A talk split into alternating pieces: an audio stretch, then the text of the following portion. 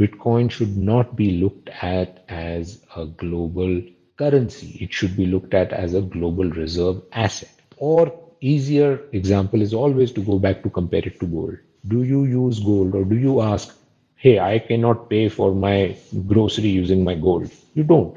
When do you use gold? You use it for large, high volume uh, or high value but low volume transactions. Similarly, Bitcoin can also be used for high value but low volume transactions that don't have urgency and don't have high frequency.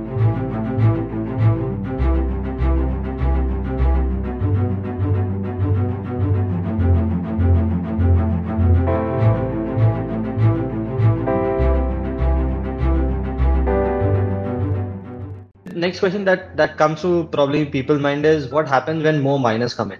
Can they solve this puzzle faster than 10 minutes? Yeah, that's uh, that's a good question. So um, when more miners come in, uh, the Bitcoin protocol is designed in such a way that it can auto adjust the difficulty to make sure that the uh, puzzle gets solved only in about 10 minutes, no less when more miners come in, there is more computing power, and yes, theoretically, that means the puzzle can be solved faster.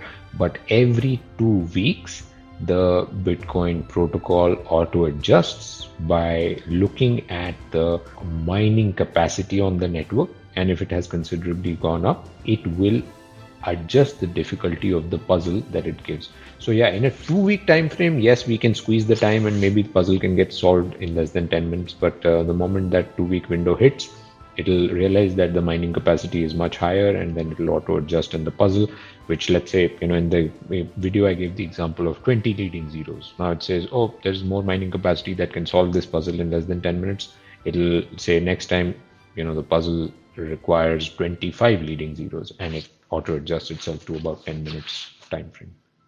So Vishesh, I have another question. The size of a block of the Bitcoin's uh, blockchain, it's it's about 1 MB, right? It's small.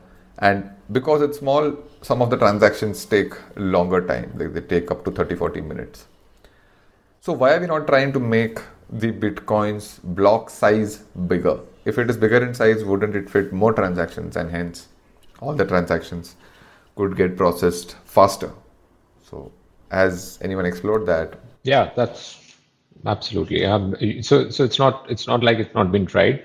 Uh, this is the most obvious thing that people looked at. Um, this goes back to the history of, uh, you know, short history of uh, Bitcoin. 2017 hard fork Bitcoin Cash that hard fork that happened where Bitcoin was split into two different protocols was exactly this was the basis for it. Um, the problem statement was that Bitcoin will never become uh, mainstream, that it will never get mainstream acceptance because it does not process transactions fast enough. It takes 10, 20, 30, 40 minutes to process a transaction when how will I ever buy a coffee with my Bitcoin if it has to become a currency, a global currency? And people at that time were talking about it becoming a global currency. Hey, I'm not going to go to a coffee shop and then pay in Bitcoin and then wait 45 minutes before the transaction goes through. So they said, what is the way to solve this? The way to solve this is that let's increase the size of the block. If we can increase the size of the block, we will be able to pack in more transactions and more transactions can be processed and it will even be cheaper to process bitcoin transactions uh, because the transaction fees will be reduced uh, that is paid to the miner as it will be shared across a larger pool of transactions.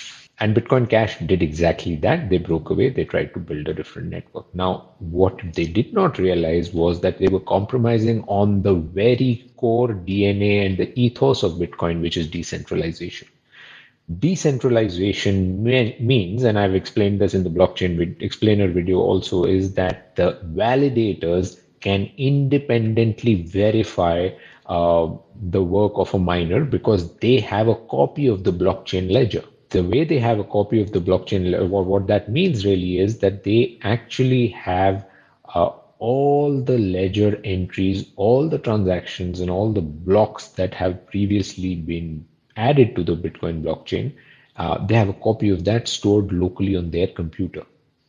Uh, if you increase the size of the block, the storage needs increase. So right now, the Bitcoin blockchain ledger size is somewhere between 270 to 300 GB. 12 years of transaction history is sitting in 270 to 300 GB. So every validator on the network has only a you know 270 GB need or storage need to become a validator, and that makes anybody gives anybody the power to become a validator. And that is the power of decentralization. Anybody can become a validator. I can become a validator. Now let's play it out right? If this became let's increase the size of the block from 1 MB to 5 GB. Now suddenly the storage needs is what? You know 1 MB to 5 GB is 5,000 times uh, increase. Now 5,000 times increase on um, your storage capacity, which means that you know your 300 GB can go into what 15 terabytes. Not everybody has 15 terabytes of uh, storage on their computer. Uh, and that what that means is that it causes more centralization. Now, people who can only afford that kind of storage need and people who can afford that kind of networking or internet bandwidth that can kind of uh, you know um, sync with that kind of data volume will be able to become validators on the bitcoin protocol. And that means we will reduce the number of validators. The number of validators reduced that means the security of the network reduces. Why? Because 51% or more of the network you know validator capacity needs to be superseded in order to hack bitcoin right? I explained that. So the more validators we have the harder it is the more secure bitcoin is. The moment you concentrate the number of validators okay if you know there are only today there are thousands of validators uh, if it became so expensive to run a validator node, maybe there will be left only a hundred, a few hundred of validators, and then it'll be easy for somebody to come and try and hack Bitcoin's, uh, you know, you know, blockchain. And so it's the very core ethos. This is why decentralization. This is why blockchains are important, or this is the whole key factor uh, why blockchains are distinct from other centralized technologies. Um, and so uh, increasing the size is, is a very key factor, which the people at Bitcoin Cash probably did not understand. They were chasing quicker user adoption uh, that we make it faster and it will become you know uh, a currency faster. People will be able to spend it, and they lost track of what it really meant. And I keep saying this, I've said this before also, that it's not important to have faster transactions uh, when you are operating as a reserve asset.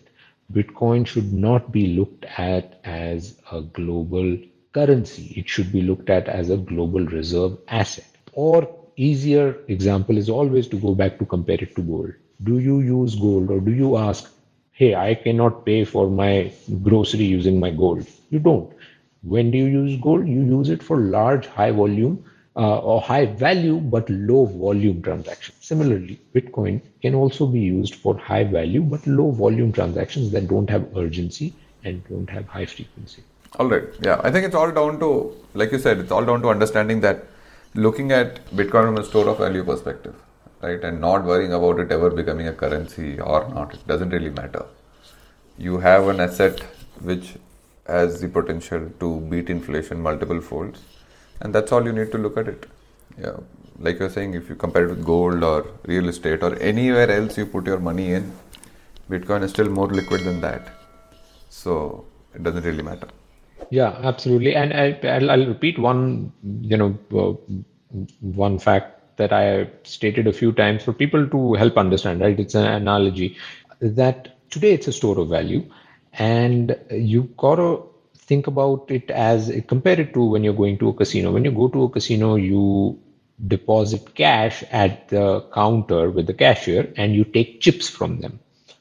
Now when you use those chips those chips can be used for any transactions within the casino. You don't use cash within the casino.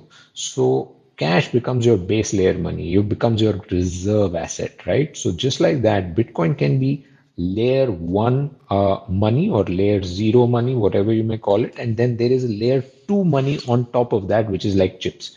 So final settlement at the end of the day, you you start your day by going and depositing five hundred dollars, and you say, "Give me five hundred dollars worth of chips." You use those chips, whatever you do. Let's say you lost $200. Now you have only $300 worth of chips. You go back to the cashier and say, okay, now here are $300 worth of chips. Give me $300 worth of cash. So final settlement is happening in cash. And similarly, in Bitcoin's case, you can do final settlement in that, but every day, smaller value, high frequency transactions can happen on different layer two protocols which are also being built, right? Like the blockchain universe is not just Bitcoin. Uh, I had a question. Ki if you're saying that we are not, if you're not increasing the size of the block, my uh, storage capacity requirement for a validator remains constant.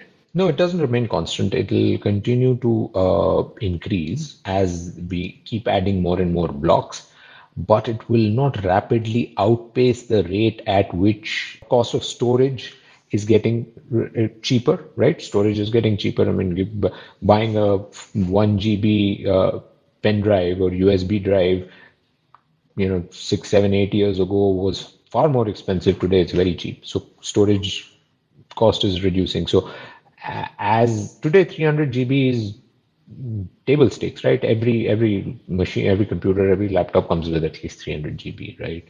Um, and so yeah, it will continue to increase, but it will not increase at that rapid pace that it will make it cost prohibitive to anybody for anybody to be a validator. Anybody can still be a validator with their basic computers. Um, because computers will also continue to increase their storage capacities. And uh, Bhadi, I suppose that one um, one MB block size assumingly becomes two MB, right? Uh, so if they if they agree to increase it. If they increase, huh, if they increase, so everything uh, everything starting from the you know Genesis block becomes 2 MB or uh, you know the blocks from today will become 2 MB?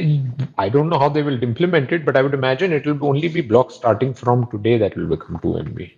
Right, because वो तो वो transaction में जो है सो है वो तो उनका size है. Either they reduce the number of blocks, but I don't think they'll go back and rewrite history. They will just say going forward. So, Vishesh, I was just calculating. So, in every 10 minutes there is there's a block that comes out right and it's around 1 mb in size right so in a year we get about if you do a basic math it comes to around 50 to 53000 blocks is what we do okay and if each of them is 1 mb uh, that comes to just 50 gb so in a, every year it adds by only 50 gb so even if you take say 10 years down the line also it would have added only 500 gb so the 270 to 80 gb will become 700 odd gb and we already most laptops have you know 1 TB of storage space. Even the basic, it, it has become a basic. Probably the basic requirement today is 500, uh, 12 GB maybe, and it will become 1 TB or 2 TB in the downline. So it will not outpace, right? So that that's your point, right? Like it will never. Like an everyday person, common man like you and me can become a validator on the network. It is not a job that only elites can do because then you're talking about concentrating power in the hands of few who can then control bitcoin right? Validators are also people who are voting on what changes what what changes can be made to the protocol. If, if the power is concentrated in a few hands only few powerful people can do it then they can do exactly what they did with fiat money right? Like central banks control whether they can decide tomorrow that there will not be 21 million Bitcoin, there will be 42 million Bitcoin. So decentralization is really important to Bitcoin. Getting back to the proof of work, are all blockchains built on this on the same concept of proof of work, or it is you know limited, or there are some category of blockchain? Yeah, no, there are actually now there are a lot of different uh, designs, but uh, more popular, most popular one is of course proof of work which uh, is Bitcoin's approach. Um, it's popular because Bitcoin is popular. Um, there are, as we know now, more than you know, eight to nine thousand cryptocurrencies out there. They are all different, using different designs. Uh, one of the other most popular approaches is proof of stake. Um, this is different from proof of work, but at the end of the day, the principle is always the people who are mining and validating work on the blockchain have to have some skin in the game. They have to have the risk of losing something if they were to try and cheat the system. If they were bad actors on the system, they would lose more than they can gain. And that incentive structure, that game theoretical concept is at the core of all blockchains proof of work, as I've explained, means that even to win the right to change the transaction history, to hack Bitcoin, you've got to spend millions, billions of dollars to just win that right. Where is the incentive left after spending that kind of money? With proof of stake, uh, what you have is that you have to put a lot of tokens at stake in order to win the right to validate a transaction. So proof of stake works as a uh, you know allows validators to validate transactions. It's not a mining concept; it is just a validating concept. So validator needs to. so Ethereum right now is proof of work, but Ethereum is planning to migrate to proof of stake. As Ethereum does that, what will happen is that people will have to uh, lock up their Ethereum tokens or Ether tokens, uh, and the people who put the high, the highest amounts at stake, that will win them the right to validate transactions. And when they validate transactions, they will be paid a transaction fees. So why are they doing it? They're doing it for transaction fees. And if they make a mistake, they try to cheat the system, they will lose all the funds that they've put at stake.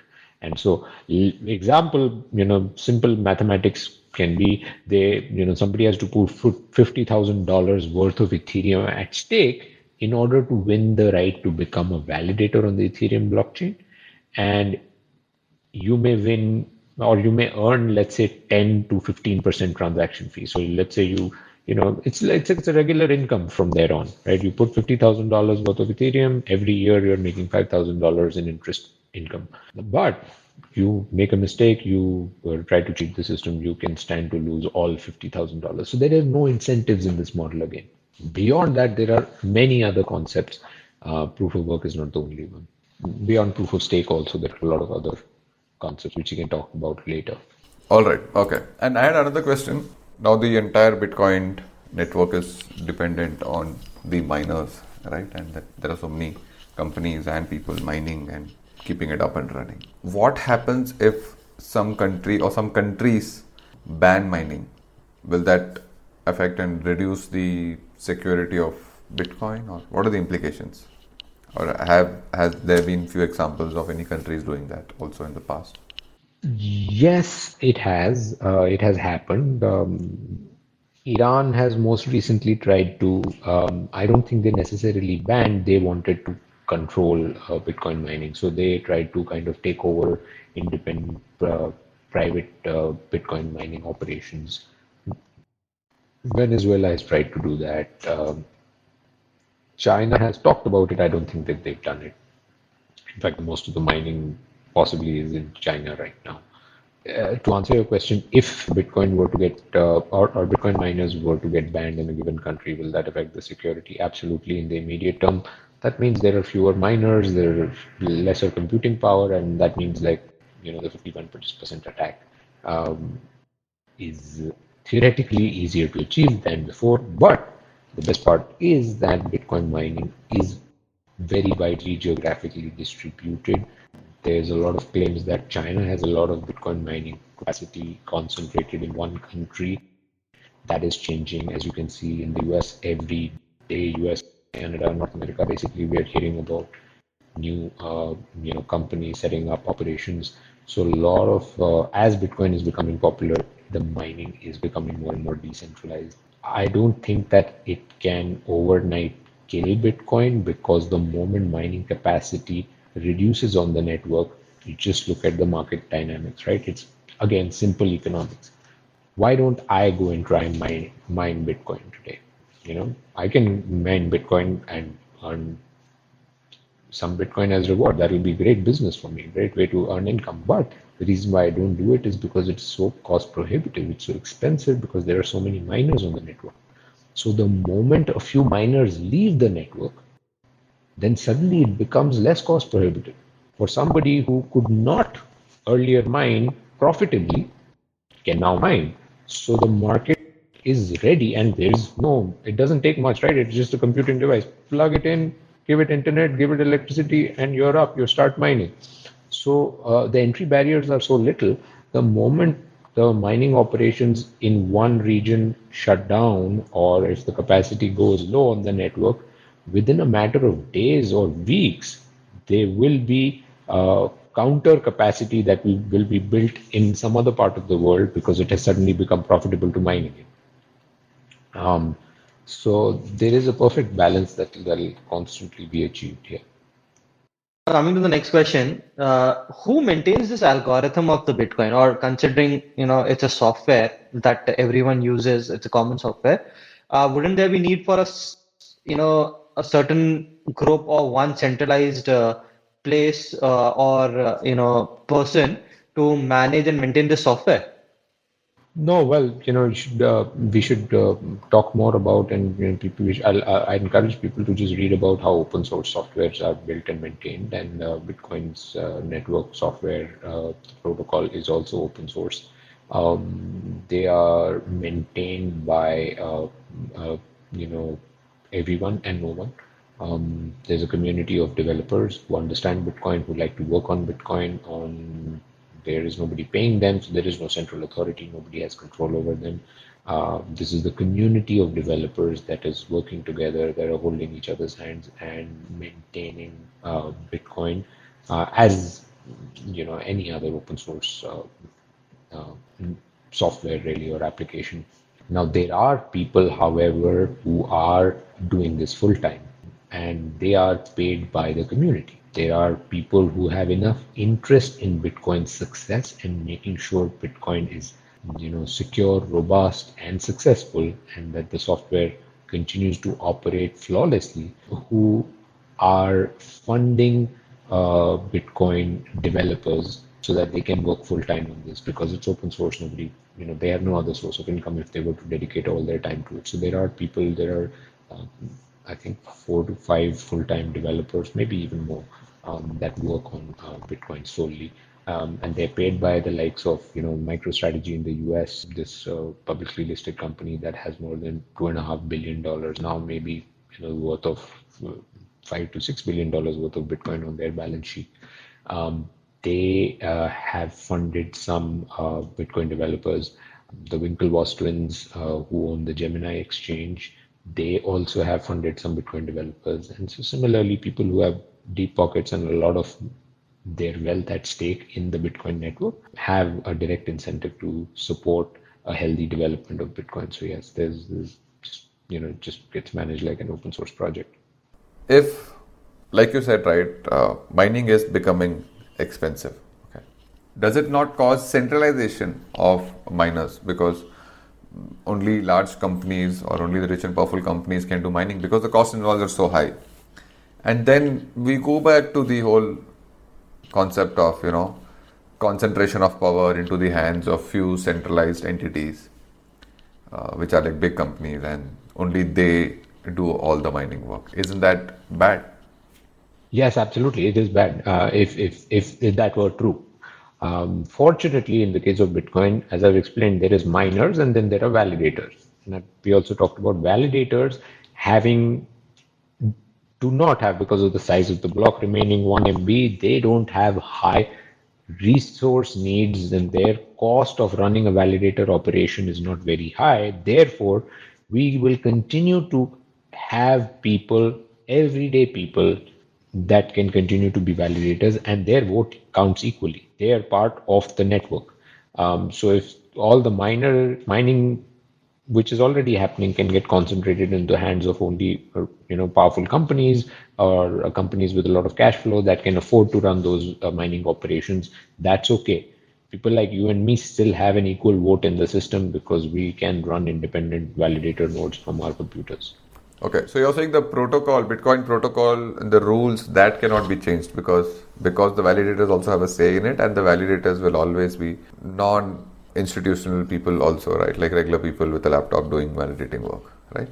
That's the point. I mean, validators are basically mostly uh, the incentive for a validator is, you know, uh, people who are validators are usually people like you and me, people who are invested in Bitcoin. So they have a direct incentive to make sure that the protocol doesn't do funny stuff. That tomorrow we does don't change the inflation monetary policy of Bitcoin, change it from 21 million to 42 million, or do whatever else. Right? We try to protect Bitcoin because we are investors of Bitcoin. And as more and more people invest in Bitcoin, the number of validators are increasing. Uh, setting up validator operations has become extremely easy. There are uh, now third-party companies uh, that uh, uh, you know self prepackaged Raspberry Pi uh, nodes, which you can just plug and play, and you can become a validator in no time. You know, just get everything ordered online. It'll come to your house with instructions take 20 minutes, set it all up, and now you're a validator too. Again, you don't have to do anything, just like mining, it's all the machine that's doing it. But the fact that you plugged it in, you have become an independent validator too. Mm-hmm. This answers the question that mm, a few big companies will not be able to get enough uh, hold over the whole thing and try to change anything. That I understand. Okay. But still, it's the miners who get newly minted bitcoins initially. Okay so this also means that with more of this happening, uh, and validators don't get the newly minted bitcoins, of course. Okay, they don't add the block. Uh, miners do. So all the newly minted bitcoin going forward, or say when more and more institutions are only doing the mining and not individual guys, which is almost already the case, I guess. All the newly minted bitcoin is going into their hands. Okay. So do you think there is basically if all the supply of new bitcoins is coming into certain say 10 companies okay who are doing all the mining work in the world are there any you think it's bad or it doesn't matter because eventually they have to sell and once they sell it doesn't really matter? Or but i'm just trying to understand if there is some game there that could hurt uh, retail investors. Yeah. Listen it's uh, any form of centralization or consolidation in the hands of a few is bad but that's the beauty of Bitcoin, and that is part of the reason why Bitcoin's success can never be replicated. I'll explain, right? Um, so we know that almost 19 million Bitcoin has already been mined. So majority of the Bitcoin has already been mined. So from here on, if only 10 companies become the only companies that are going to mine Bitcoin, and all the Bitcoin, you know, the remaining 2 million Bitcoins are going to going to go into their hands, they're going to hold it theoretically. I don't know how they're going to manage their cash flows if they hold it for the next 140 years, but let's say they will 100 like 120 years. But let's say they will, they will still not hold the majority of uh, the Bitcoin in the network. Why was why is that the case? Because Bitcoin took its own time to operate and decentralize and grow in a very organic way before anybody else noticed and realized the power of this thing. If in 2009 when Bitcoin first came, people knew what it's going to become, maybe there should would have been not even 10, 5, or maybe one mining company that would have put all the computing power behind it. Back then, people were mining Bitcoin on their computers. It was completely decentralized. As it gained price and as it gained, became more expensive to mine, it got, started to get concentrated, and that might continue to happen. But the number of Bitcoin they will earn will continue to get diminished. Today, if something new were to come as a competitor to Bitcoin, Bitcoin and try to replicate the same story, think about what will happen. The whole world knows this game now. They're going to just concentrate the power into the hands of a few. That is the reason why no other blockchain, when people say Bitcoin blockchain, it's a it's a technology after all, right? Like you know, some better technology will come and beat it. Sure, I mean I cannot deny that, but it's hard to imagine that another similar blockchain protocol can come and beat it because this has grown organically. Uh, under the shadows. Uh, tomorrow something new comes, the whole world knows about it. Two miners will go and buy all the computing power and they will mine everything. And if they mine everything, it will be entirely centralized. The moment it is centralized, there is no value in that network. People will not value it. Mm-hmm. And I think, uh, like you're saying, uh, the the concept of halving, right, every four years or every 2 lakh 210,000 uh, blocks, the halving of the Bitcoin rewards that happens, that has kind of taken care of so many problems. And one of the problems is this that it will never get concentrated because we are looking at 21 million Bitcoins by what 20, 2140, and in the first 12 years itself, we've got most of the Bitcoin out because that halving is there. If that concept wasn't there, we would still be sitting at probably just couple of millions or probably 5 millions of Bitcoins, right? And there'll be still so much to take and uh, institutions could come set up mining networks and take control of the newly minted bitcoins that are coming in. But that's not possible now because of the halving system